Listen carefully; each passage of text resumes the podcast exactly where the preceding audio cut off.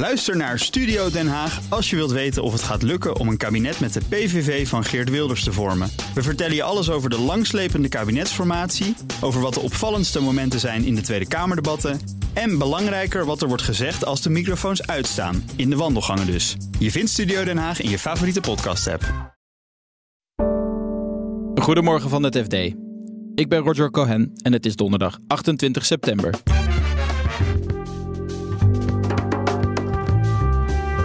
Verzekeraar Nationale Nederlanden heeft een gevoelige nederlaag geleden in de rechtbank. Het is een soort van spook waarvan uh, nou ja, de wat oudere mensen nog wel weten dat het er is. En eens in dezelfde tijd duikt het op. En duizenden ondernemers krijgen deze week aanmaningen uit de coronatijd op de mat. Ook al proberen sommigen die te ontlopen. Ja, zijn kop in het zand heeft gestoken, alle rekeningen in een, in een laadje heeft gestopt. En daarmee eigenlijk de eigen onoverzichtelijkheid heeft vergroot. En je hoort wat er aan de hand is bij gamebedrijf Azerion. Dit is de dagkoers van het FD. Verzekeraar Nationale Nederlanden heeft jarenlang veel te hoge kosten in rekening gebracht bij klanten met een zogenaamde woekerpolis. Dat heeft het Haagse gerechtshof bepaald. Redacteur Martijn Pols legt eerst uit wat zo'n woekerpolis ook alweer was. Tot een jaar of twintig geleden een uh, veelverkocht product door verzekeraars. Werd gebruikt om uh, bijvoorbeeld een aanvullend pensioen mee op te bouwen, maar vooral ook om uh, hypotheken mee af te lossen. Het is een vermogensopbouwproduct. Voor een vast bedrag per maand kon je beleggen en daarmee profiteren van, van hogere beurskoersen. Dat was het idee. Waarom worden daar vandaag de dag nog steeds rechtszaken over gevoerd? Hè? Want we hebben het over producten die vanaf 1995 zijn afgesloten. Ja, dat is heel populair geworden in de jaren 90. Ook sowieso de hoogtijdagen van de particuliere belegger.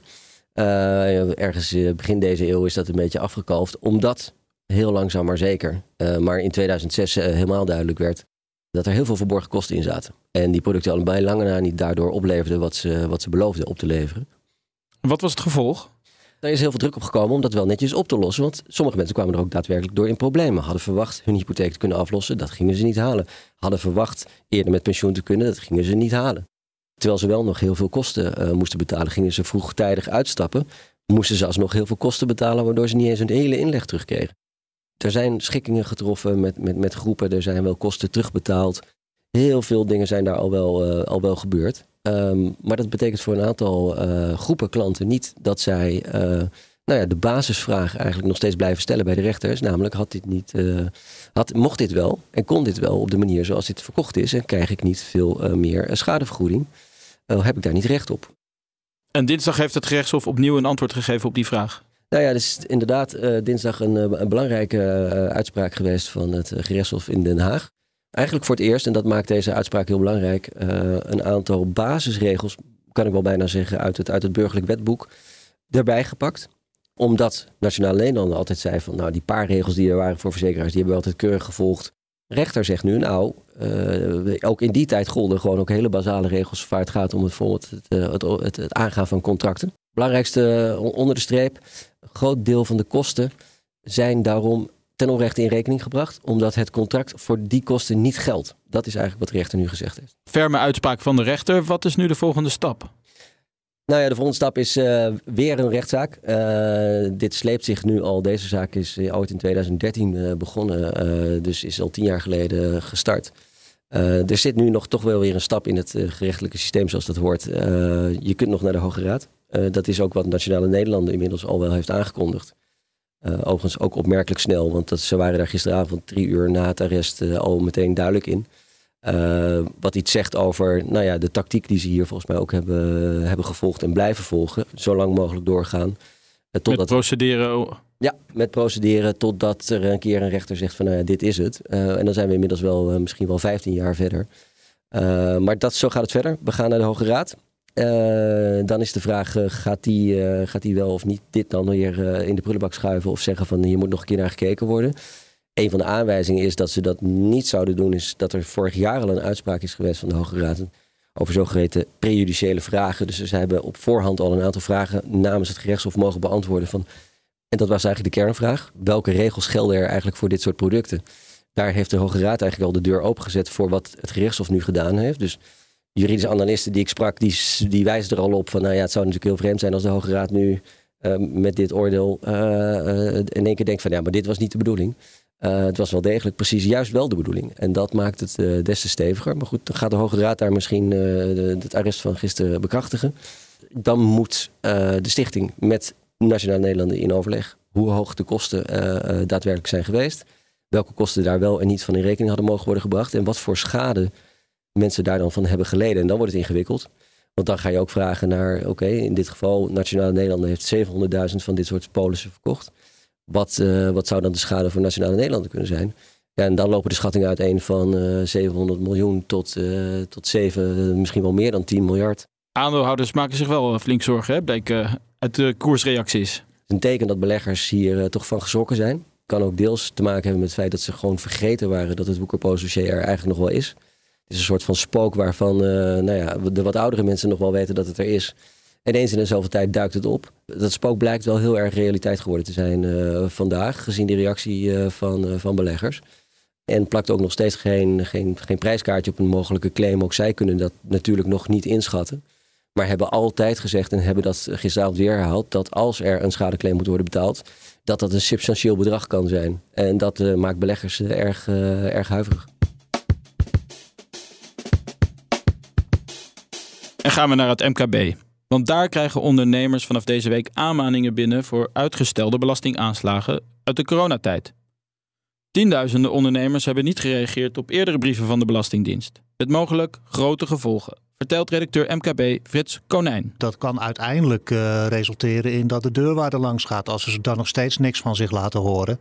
Ja, dan zal de Belastingdienst toch uiteindelijk uh, tot actie moeten overgaan en een deurwaarder uh, die kant op gaan sturen. En dat kan weer leiden tot inbeslagnames, uh, gedwongen faillissementen. En jullie hebben rondgebeld, hè? ook brancheorganisaties, onder verenigingen die, of organisaties die ondernemers bijstaan. Wat horen jullie daar? Nou, daar zijn ondernemers eigenlijk behoorlijk boos. Die, die, die ze zeggen van ja, er is ons voorgespiegeld dat we de coronacrisis samen gingen oplossen. Nou, daar merk ik helemaal niks van. Ik heb twee jaar uh, mezelf geen loon uitgekeerd. Uh, volgens mij heb ik op die manier mijn bijdrage zo langzamerhand wel eens geleverd. En dan komen ze nu nog eens een keertje uh, voor, voor, die, voor die belastingcenten. Ja, wat willen ze nou eigenlijk? op die manier trekken ze mijn bedrijf onderuit. En dat is een geluid wat ik wel vaker hoorde. Ook in verband met voor corona was er de tijdelijke WW. Eh, nou, daar schijnt geen loonbelasting bij eh, in het spel geweest te zijn. Tijdens corona kwam eh, de NOW-regeling, die de, de loonondersteuning moest regelen. Maar zeggen sommige ondernemers, eigenlijk waren we daar slechter mee af, want daar was wel sprake van loonbelasting. En loonbelasting is vaak een van de grootste componenten van de belastingachterstand die is opgelopen, samen met de BTW. Ja, maar jullie schrijven ook over ondernemers die nou, toch hun kop in het zand uh, steken. In sommige gevallen een speciaal kastje hebben waar ze alle ongeopende enveloppen van de Belastingdienst neerlegden. Want je kan ook zeggen van hè, dit hebben ze toch wel zien aankomen. De Belastingdienst kan niet eeuwig blijven uitstellen. Wat zeggen ondernemers als je die uh, vraag aan ze voorlegt?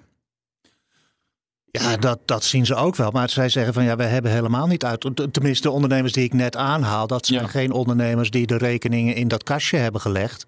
Dat zijn ondernemers die hebben die rekeningen wel degelijk opengemaakt, maar die konden ze gewoon niet betalen op uh, dat moment. En inderdaad, daarnaast, dus volgens mij is het meer een kwestie van en en dan van of of, is er een grote groep ondernemers die, um, die niks van zich heeft laten horen, die ja, zijn kop in het zand heeft gestoken, alle rekeningen in een, in een laadje heeft gestopt en daarmee eigenlijk de eigen onoverzichtelijkheid heeft vergroot. En wat, wat kunnen ondernemers nu nog doen? Ze hadden al te maken met stijgende kosten, hogere huren, salarissen die zijn toegenomen. Dus het was al moeilijker geworden.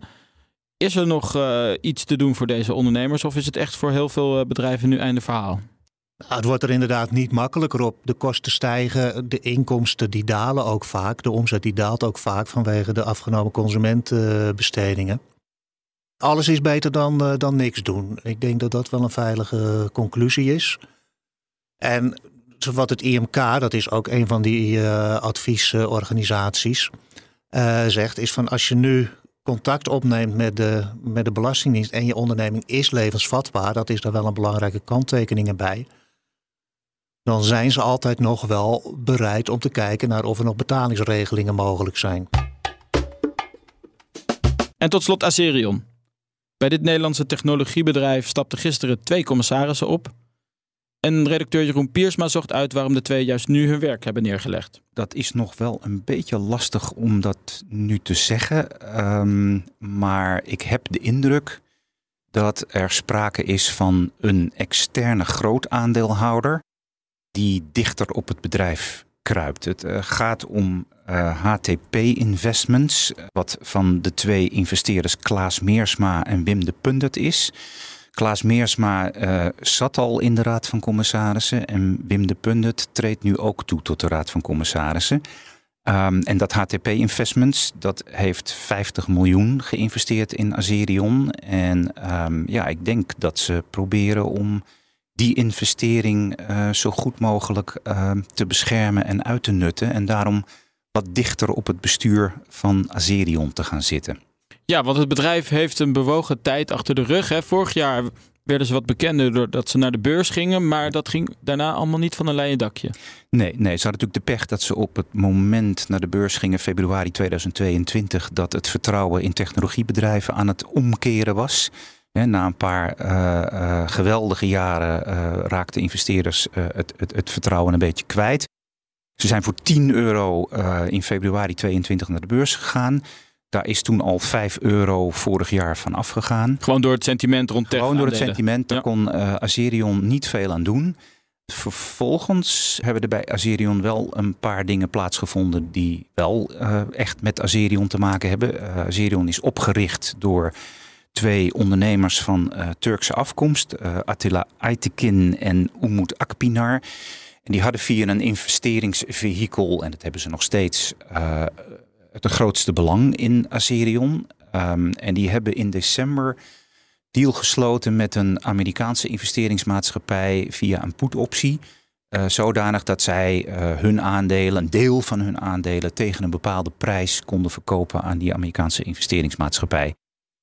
Ja, dat is niet goed voor het vertrouwen van beleggers, want dat wekt toch de indruk dat de oprichters en grootaandeelhouders proberen om hun eigen belang veilig te stellen. En dat ze dus misschien niet heel erg vol vertrouwen zijn in de toekomst van hun eigen bedrijf. Ja, want ze verwachten niet dat die koers omhoog zal gaan. Nou, als je ergens de koers vastprikt via zo'n put-optie, uh, ja, dan, dan sluit je dus een deel van de upside, van, van de stijging van het aandeel, die mogelijkheid, die, ja, die sluit je dan uit. Dus het heeft iets van een verzekering. Uh, en dat zouden oprichters, grootaandeelhouders eigenlijk niet moeten doen. Want daar worden andere uh, aandeelhouders zenuwachtig van. Of ze ook de slechte bedoeling hadden om hè, zichzelf te verzekeren. Of dat er andere redenen waren. Ze zeggen zelf andere redenen. Ja, dat is niet helemaal duidelijk. Nee, daarna heeft de AFM, de toezichthouder, zich er ook nog mee bemoeid, begrijp ik? Ja, die koers is natuurlijk uh, nadat die put-optie bekend werd in elkaar gedonderd tot onder de 2 euro. Um, bovendien werd er in de maanden daarna um, stevig gehandeld in aandelen Aserion. Uh, we weten niet waarom de AFM dat onderzoek heeft ingesteld, onderzoek naar marktmanipulatie. Um, maar je zou je kunnen voorstellen dat de combinatie van die put-optie en die handel in uh, die, die, die, grotere omzet in uh, Assyrion-aandelen, dat dat tot de gedachte heeft geleid dat de oprichters misschien aandelen aan het dumpen waren.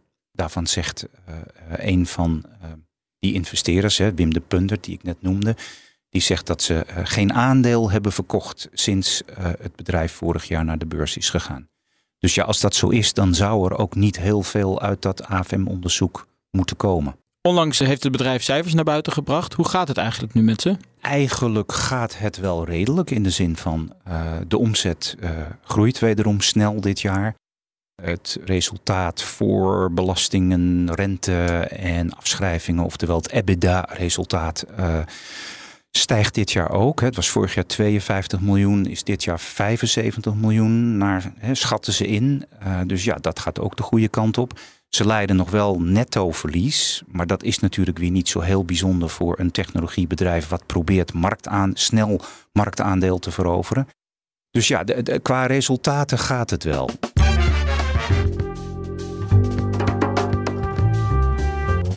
Dit was de dagkoers van het FD. Het laatste financieel-economische nieuws vind je in onze app en op de website fd.nl. En de nieuwste dagkoers vind je morgenochtend gewoon hier in je podcast-app. En vergeet je niet te abonneren, want dan krijg je hem automatisch binnen. Nog een hele fijne dag en graag tot morgen.